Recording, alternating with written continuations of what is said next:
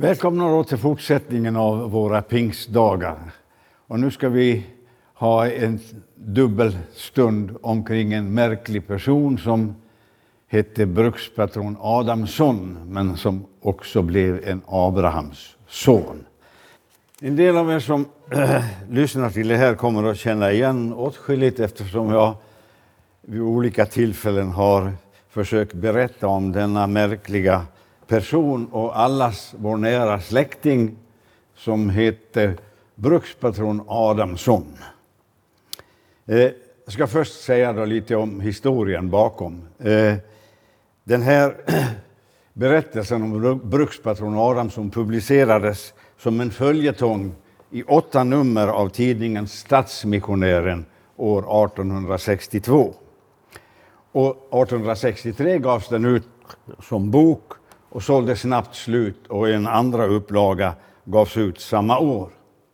Eh, jag har här ett ex av den andra upplagan från eh, 1863. Och jag har dessutom ytterligare antal. Eh, en kopia från 1907, en dansk upplaga Eh, den senaste upplagan den kom så sent som eh, 2019. Och det är det tolfte upplagan av den här boken. Och dessutom så har jag här en doktorsavhandling på samma bok. Och vi ska försöka då att i ett par föredrag få oss lite till livs om den märklige person. Författare var eh, Paul Peter Waldenström. Han som är väl mest känd som grundare av Svenska Missionsförbundet. Eh, och eh, han var alltså eh, nära, eh, i nära samarbete med Rosenius och tog också över tidningen Pietisten efter Rosenius död. Eh, men eh, eh, utan att gå närmare in på sakerna, jag kommer tillbaka till det, men eh, Rosén, eller vad säger jag, Waldenström kom alltså till en helt annan uppfattning än förut i fråga om läran om försoningen. Eh, eh, och jag, som sa, jag kommer tillbaka till det, men eh, han tog alltså avstånd ifrån den lutherska läran i denna mycket centrala lärofråga. Och det innebar också att han, han eh, eh, blev avskedad. Eh, ja, berättelsen om brukspatron Adamsson är en allegori. Och den mest kända allegorin, som alltså i bilder eh, eh, berättar eh, om kristen tro, det är ju boken Kristens resa. Och detta är då också en, en sorts berättelse om kristen tro, men då under just som en liknelse eller en bild en, eller en symbolisk skildring som har ett underliggande budskap.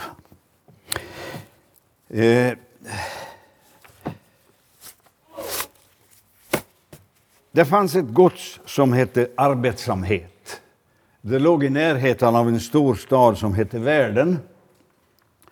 Och det här godset det hörde egentligen till staden Världen och lydde under dess styrelse, men det låg en bit bort från staden. Det var en stor egendom. Och så var det ett järnbruk där som gav mycket stor vinst. Man tillverkade goda gärningar på det här järnbruket. Eh, och eh, de var väldigt vackra att se på, men eh, illasinnade kritiker påstod att eh, de väl var vackra att se på, men det var bristfälliga råvaror och kvaliteten var dålig. Fast de levererades i snygga förpackningar. Genom det här godset så rann det en å. Den hette självfromhet. Och den gav vatten åt människorna på godset arbetsamhet och den vattnade också hela egendomen. Den var också viktig för järnbruket för den drev ett stort vattenhjul som gav kraft åt järnbruket. Ån hette alltså självfromhet och den gav kraft åt bruket där de goda gärningarna tillverkades. Den rann upp på ett berg som hette själviskhet. Och så rann den genom de finare kvarteren i staden, världen. Och då för att repetera, ån självfromhet rann upp på berget själviskhet, rann genom de finare kvarteren i staden, världen och sen flödade den genom godset arbetsamhet. Man hade anlagt parker längs ån där på, på eh, bruket. Och människorna kunde vila där på stränderna och självfromhet och ta sig ett uppfriskande bad som var mycket uppskattat. Vattnet var mycket klart på ytan, men en bit ner var det grumligt. Och botten på ån självfromhet var dyg och smutsig. Men man hade klätt in den med bräder, så man märkte inte hur dyrt det var under.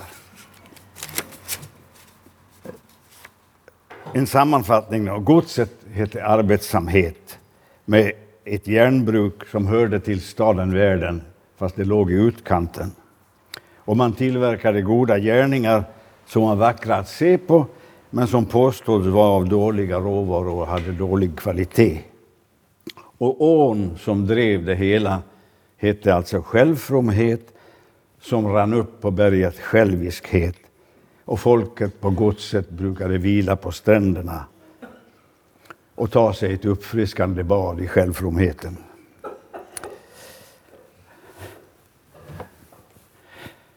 Godsets ägare var en rik och märkvärdig person, brukspatron Adamsson. Han var en ståtlig och bildad man och pålitlig och rättvis och hade stort anseende bland folket. Och han var intelligent och gästfri och en hederlig människa. Han var också ordförande i eh, en missionsförening som han själv hade bildat där han ivrade för att Guds ord skulle bli känt, inte bara i vårt land utan också bland hedningarna i fjärran länder. Och han var generös när det gällde kollekter och han prenumererade på flera missionstidningar som han spred bland sina anställda. Han hade ett märkligt sätt att läsa missionstidningen. För hans fru var riktigt förvånad så hon var tvungen att fråga honom. För han, han började nämligen på sista sidan. Så när han, när han vid tillfälle kom hem och fann sin fru läsa i missionstidningen så bad han att få låna den och så bläddrade han fort fram till slutet. Men varför gör du så? undrar hans fru. Vad letar du efter?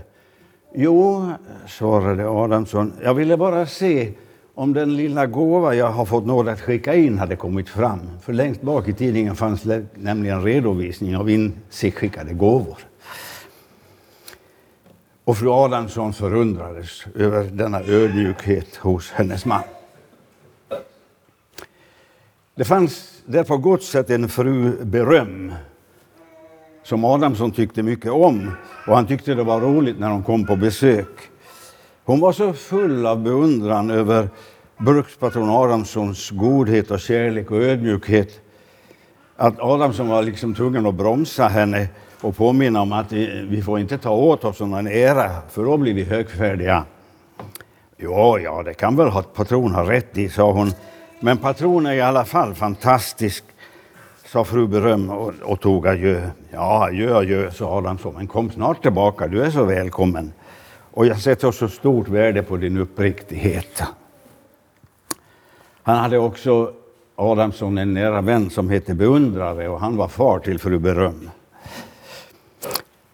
Han hade en sådan omsorg också om sina anställdas andliga väl och därför hade han anställt en predikant som hette Legoherde som höll morgon och aftonböner i kapellet som Adamsson själv hade byggt.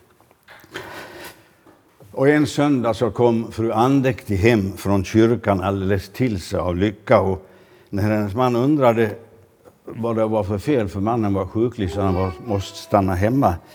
Jo, sa frun, pastorn har predikat så härligt om den eviga söndagsvilan i himlen. Och han sa att om vi bara är flitiga och ärliga och gudfruktiga så får vi komma dit. Och det vet ju alla att sådan är ju, har ju alltid varit, sa fru andäktig. både flitig och ärlig och duktig och noga med att gå i kyrkan. Och, och psalmvers, eh, citerade en så härlig psalmvers där det stod Och då jag levat som jag bort, för mig du öppnar himlens port. Han var också outtröttlig i sin omsorg om sjuka och fattiga och att hjälpa och göra gott. Så Adamssons nära vän beundrade sa en gång jag tror det var ett misstag att Adamsson kom hit till jorden, för han tycks vara skapad för en högre värld. Och alla som kände Adamsson höll med om omdömet. Men som det nu är här i världen så måste det naturligtvis blandas lite smolk i glädjebägaren. Och det fanns en gammal skröplig gumma som inte stämde in i hyllningskören. Hon skakade på huvudet och så sa hon till Adamsson rent ut, det står inte väl till med brukspatron. Och fick hon frågan om vad hon hade för tankar om Adamsson så svarade hon med en djup suck. Stackars man kommer aldrig att gå väl för honom. Folk vart förstås arga. Vad begriper en gammal gumma av sånt? Tror hon att hon begriper bättre än alla som beundrar Adamsson? Och man tyckte det var rent oförskämt. Särskilt när hon svarade fru Beröm som hade lovordat Adamsson. Sa mor Enfaldig, för så hette hon. Det står inte så väl till som du tror. Brukspatron är falsk i anden. Med alla sina goda gärningar och fromhetsövningar försöker brukspatron bara komma undan den sorgliga upptäckten att det inte är rätt ställt och vad gumman hade sagt spreds fort vidare. En del föraktade henne och andra såg medlidsamt på henne. Men man kunde inte förlåta hennes nedsättande omdömen, så man kallade henne stackars torpargumma. Fast egentligen så hette hon mor enfaldig. Men Adamssons anseende växte. Han var förstås medlem i missionsföreningen och eftersom han var så betydande och framstående så trycktes hans namn med större stil i medlemsförteckningen. Och så blev han också snart ordförande. Han ställde alltid upp för andra och hjälpte till med smått som stort. Sina egna räkenskaper befattade han sig alltid med, aldrig med. De sköttes av hans kassaförvaltare Samvete. Han var en mycket tystlåten man som mest satt inne på kontoret. Samvete hade förut varit rådman i staden Världen, men han blev avsatt för han ställde till med så mycket oro, Samvete, så man ville bli av med honom. Jag ska också säga några ord om Adamssons familj. Hans fru hette Eva, Evas dotter och de hade flera barn. De två mest kända hette Godhjärtad och Självbelåten. Fru Adamsson var som sin man ett under av älskvärdhet och föremål för mycket beundran. Hon levde för andra, en mor för hjälplösa och en stöd för de övergivna. Och barnen då, de två pojkarna, gossen Godhjärtad var storväxt, ett vackert ansikte och en välskapt kropp. Han var omtyckt av alla och alla hoppades att Godhjärtad skulle få leva länge men mor Enfaldig som såg lite längre än de flesta, hon såg att Godhjärtad hade dåliga lungor och dålig mage och en dold spetälska. Hans bror, Godhjärtads bror, självbelåten, var liten och oansenlig, men var ovanligt frisk och stark. Han hade fått en underlig uppfostran, helt olika sin bror Godhjärtad. För självbelåten föddes i hemlighet och ingen fick egentligen veta vad han hette. Det var bara mor Enfaldig och kassaförvaltare Samvete som visste hans rätta namn. Självbelåten följde sin bror godhjärtad överallt och de var alltid vänner och höll alltid ihop. Vart godhjärtad än gick så följde självbelåten med, men självbelåten var alltid tystlåten för hans pappa hade förbjudit honom att yttra sig. Men han höll noga koll på vad folk sa om Adamsson och, och eh, att folk förstod vad, god, vad Godhjärtad sa. Och fick han inte yttra sig så höll han i alla fall noga reda på hur de andra sa hur de reagerade. Och när bröderna kom hem så var självbelåten noga med att och ivrigt berättade för pappa allt han fått veta, vad han sett och hört och vad folk sagt om sin goda och nådiga brukspatron. Hade han hört någon kritik så teg han om det. Ibland hände det, som när självbelåten berättade vad fru Beröm hade sagt, att Adamsson bad honom tiga. Men varför skulle jag det, undrar självbelåten. Allt gott hon sa om pappa var ju sant. Och så fick ju då självbelåten fortsätta och som lyssnade gärna. Men eftersom folk inte visste vad självbelåten hette men såg hur tillbakadragen han var och ofta gömde sig bakom sin bror Godhjärtat så började de kalla honom för nådig herr brukspatrons lilla ödmjuk. Ett namn som herr beundrade hittat på. Som jag sa så hängde de alltid ihop, de där två bröderna, godhjärtad och självbelåten. Ibland så försökte Adamsson hålla självbelåten hemma när Godhjärtat skulle gå något ärende, men då ville inte Godhjärtat gå. Fick inte självbelåten gå med så gick inte Godhjärtat heller. Och då måste Adamsson ibland sända fröken Ovillig, särskilt till sådana från vilka han inte kunde vänta sig något tack. Jag undrar om det är någon av oss som känner igen de här två pojkarna, godhjärtad och självbelåten. Om de kanske rent av finns med i den egna familjen. Och att det är som hos familjen Adamsson, att godhjärtan ser bra ut men har problem med hälsan. Och att det skulle bo en självbelåten i huset, det kan man väl aldrig tro.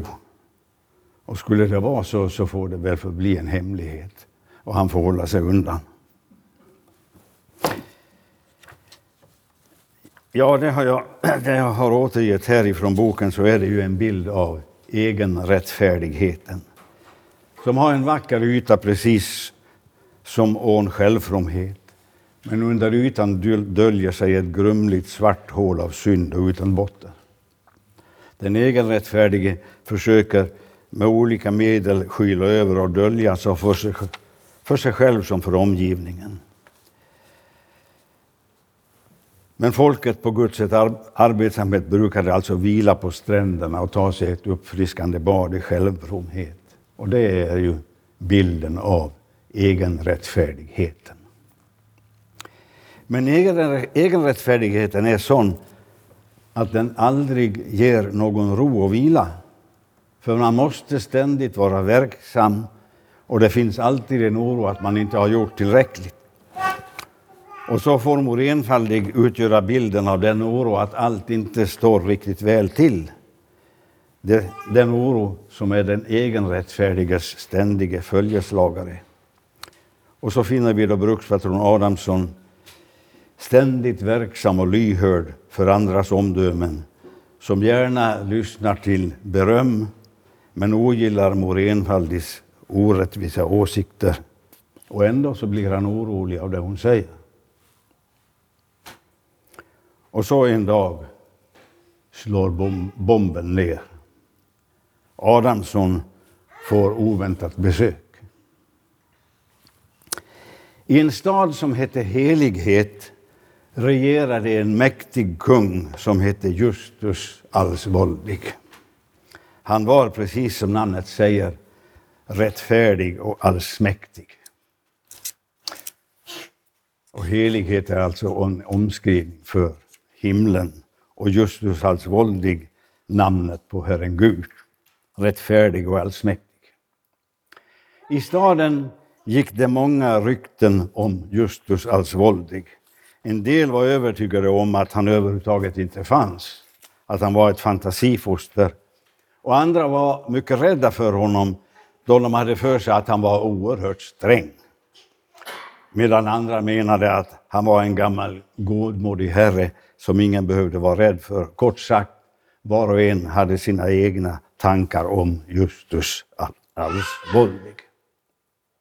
Adamsson hade också en relation till Justus. Det var nämligen så att Adamsson hade stora skulder hos Justus Alsvoldi. Och kassaförvaltare Samvete hade allt sammans noga bokfört. Och så en dag sände Justus Alsvoldig sin tjänare Mose till brukspatron Adamsson. Adamsson hade just haft besök av sina söner då självbelåten hade berättat så många fina saker och Adamsson kände sig alldeles ovärdig att få vara far åt sådana barn.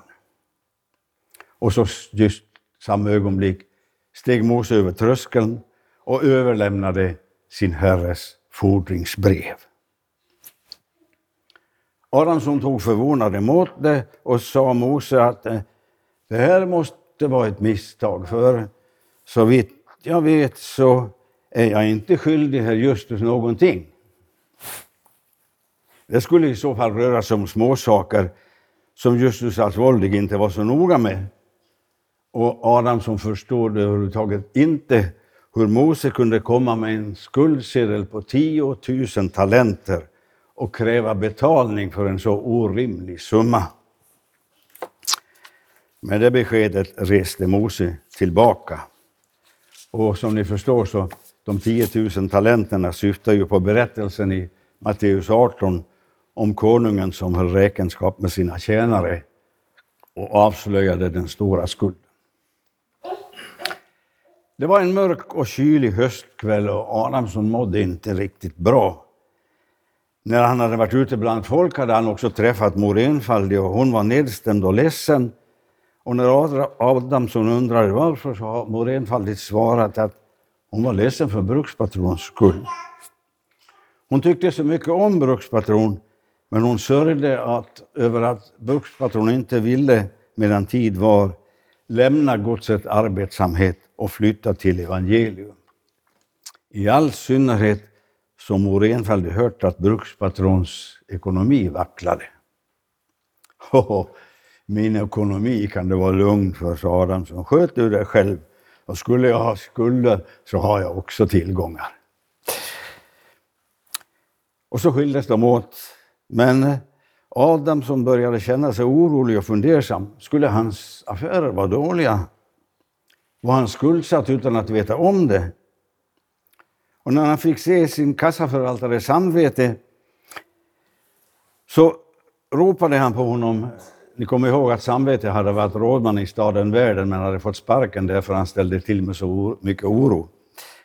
Nu ropade Adamsson på honom, men samvetet låtsas inte höra utan han bara gick. Och då blev Adamsson än mer orolig och för att lugna sig så sökte han upp legoherde och berättade alltihop för honom. Och vad mor Enfaldig hade sagt. Och att mor Enfaldig hade föreslagit att Adamsson skulle lämna arbetsamhet och flytta till evangelium.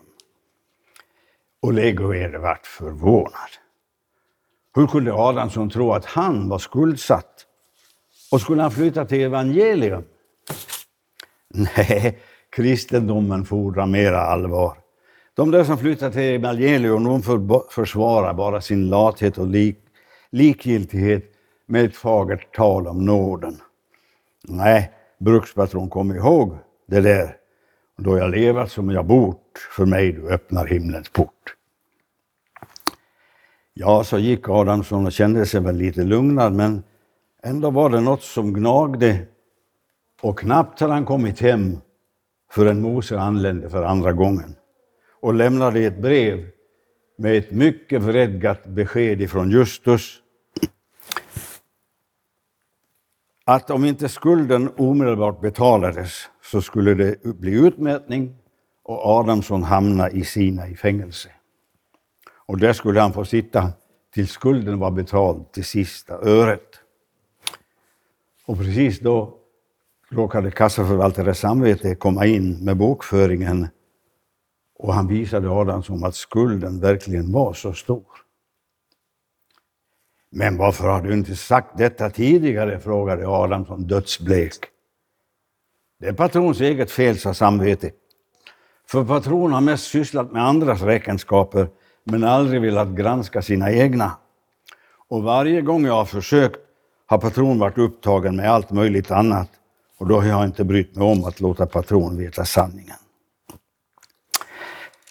Nu satte sig Adamsson ner och så skrev han till Justus Alsvoldig att om herr Justus kunde tänka sig att vänta med skulden så skulle patron gärna betala räntan. Och han mycket, bad mycket ödmjukt om förlåtelse för att han handlat fel och bad Justus Asvoldig att se till hans hunger, hans ånger och tårar och låta honom vänta med betalningen. Men alla försök strandade på Justus alltså Asvoldigs stränghet.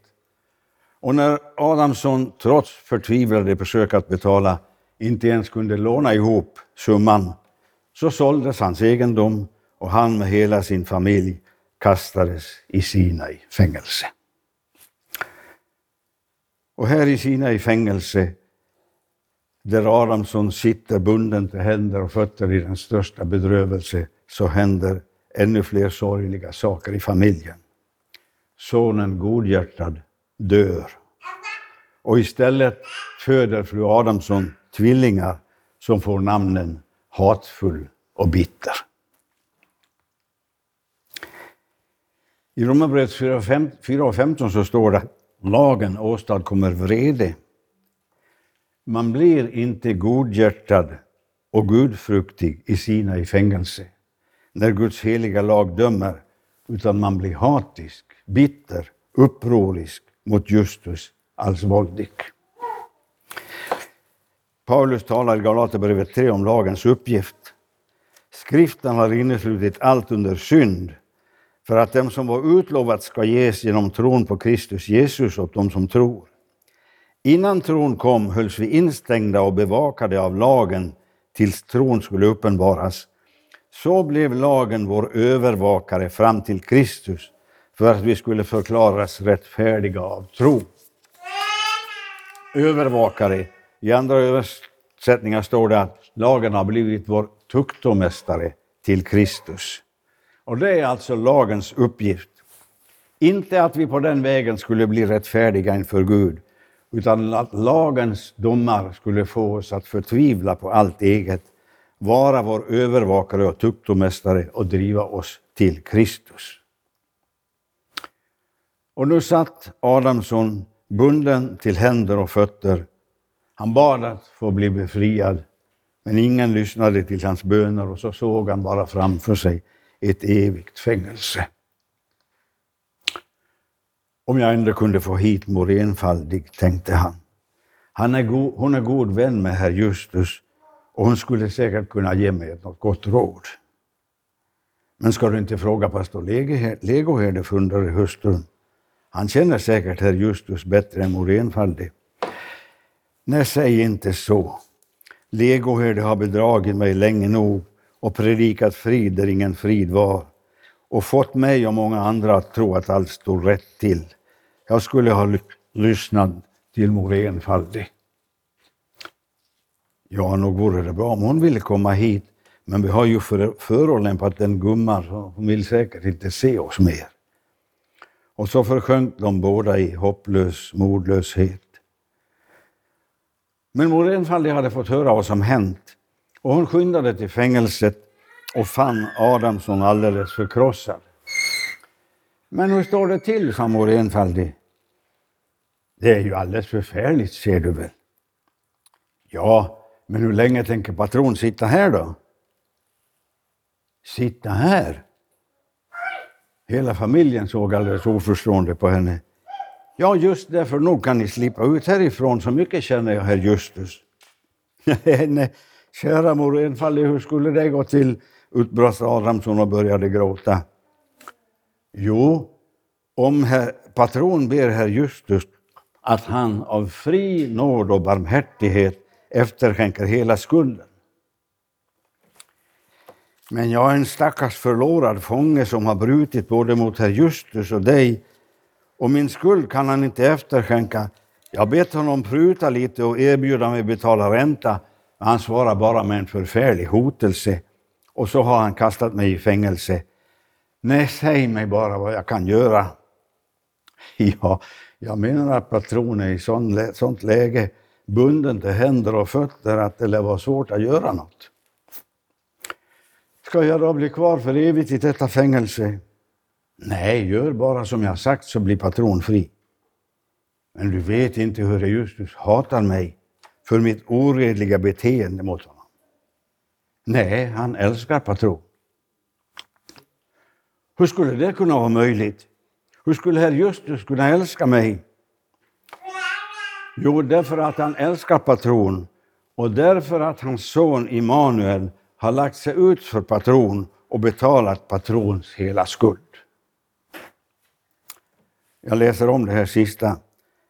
Han älskar patron och därför att hans son Immanuel har lagt sig ut för patron och betalat patrons hela skuld.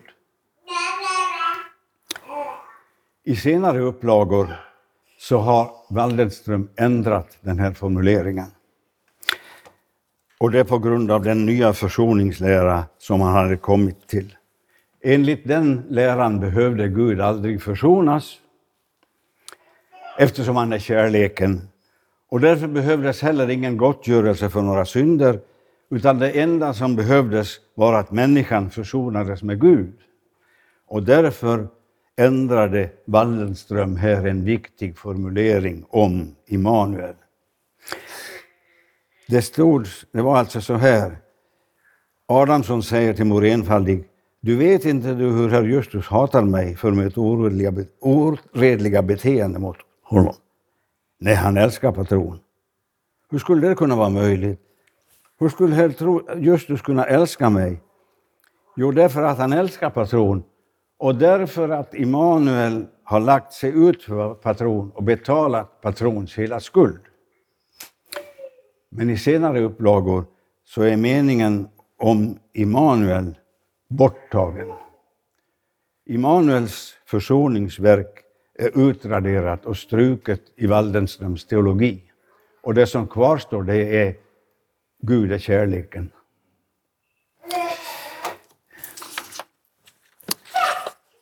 Och det här är alltså en avslöjande formulering över hur man kan vara en sann ordets förkunnare.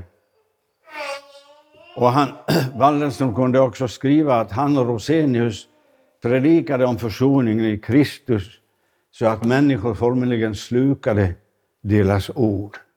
Och så säger han, och ändå kunde ingen större dårskap predikas. Så kan alltså den som Herren har lett in på de rätta vägarna av själafienden förvillas och hamnar i förnekelse av Kristi verk. Men åter till berättelsen. Mor Enfaldi lämnade nu brukspatron Adamsson men lovade att komma tillbaka en annan dag. Och när hon kom tillbaka fann hon Adamsson alldeles förkrossad. Nu är allt hopp ute, sa han till Morén, fallit. Jag gjorde som du sa, men jag fick avslag igen. Hur gjorde du då? Jag skickade tvivel med hälsningen till herr Justus att om han ville efterskänka min skuld och göra mig fri skulle jag för evigt vara hans ödmjuka tjänare och lydige tjänare. Ja, då är det inte underligt att du fick avslag, sa mor enfaldigt. Ja, men jag gjorde ju som du sa. Nej, det gjorde du inte. Jag bad aldrig att person, patron skulle föreslå något köp. För Justus alltså säljer inte sin nåd mot löfte om framtida goda gärningar. Dessutom tycker herr Justus hjärtligt illa om tvivel som du skickade med budet. Ja, men eh, tvivel är så ödmjuk, sa Adamsson. Han står längst nere vid dörren och, och, och darrar inför herr Justus. Tvivel är inte det minsta ödmjuk.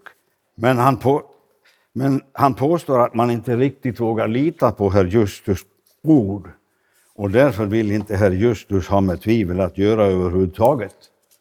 Nej, patron, du ska skicka utfattig tro och bara be om nåd och barmhärtighet för Immanuels skull. Ja, sa patronen, någon värd namnet utfattig så är det väl en arme tro som mer än en gång fått frysa och svälta. Men jag ska göra som du säger. Och så begav sig utfattig tro på väg mot Justusals våldig på darrande ben. Och det var ganska mörkt ute. Och på vägen mötte han tvivel som överföll honom. Men utfattig tro lyckades få övertaget och kunde fortsätta, men han darrade en lång stund efteråt. Men så kom han ihåg några rader ur en gammal psalm och så sjöng han för sig själv. Klippa du som brast för mig, låt mig gömma mig i dig. Och så gick solen upp och sen gick resten av vandringen lätt. I Sina i fängelse satt Adam som bävande och väntade på svar. Och han behövde inte vänta länge. Immanuel kom själv och löste hans bojor. Försäkrade honom att skulden var betald och att den aldrig mer skulle utkrävas. Och så förde han Adamsson på en nybanad väg som heter nyfödelse genom den så kallade trånga porten in i staden Evangelium till kvarteret syndernas förlåtelse. Och över porten till kvarteret stod det rum för de förlorade. Här får du nu bo, sa Immanuel till Adamsson, och här ska ingenting fattas dig av sånt som du behöver för att må bra.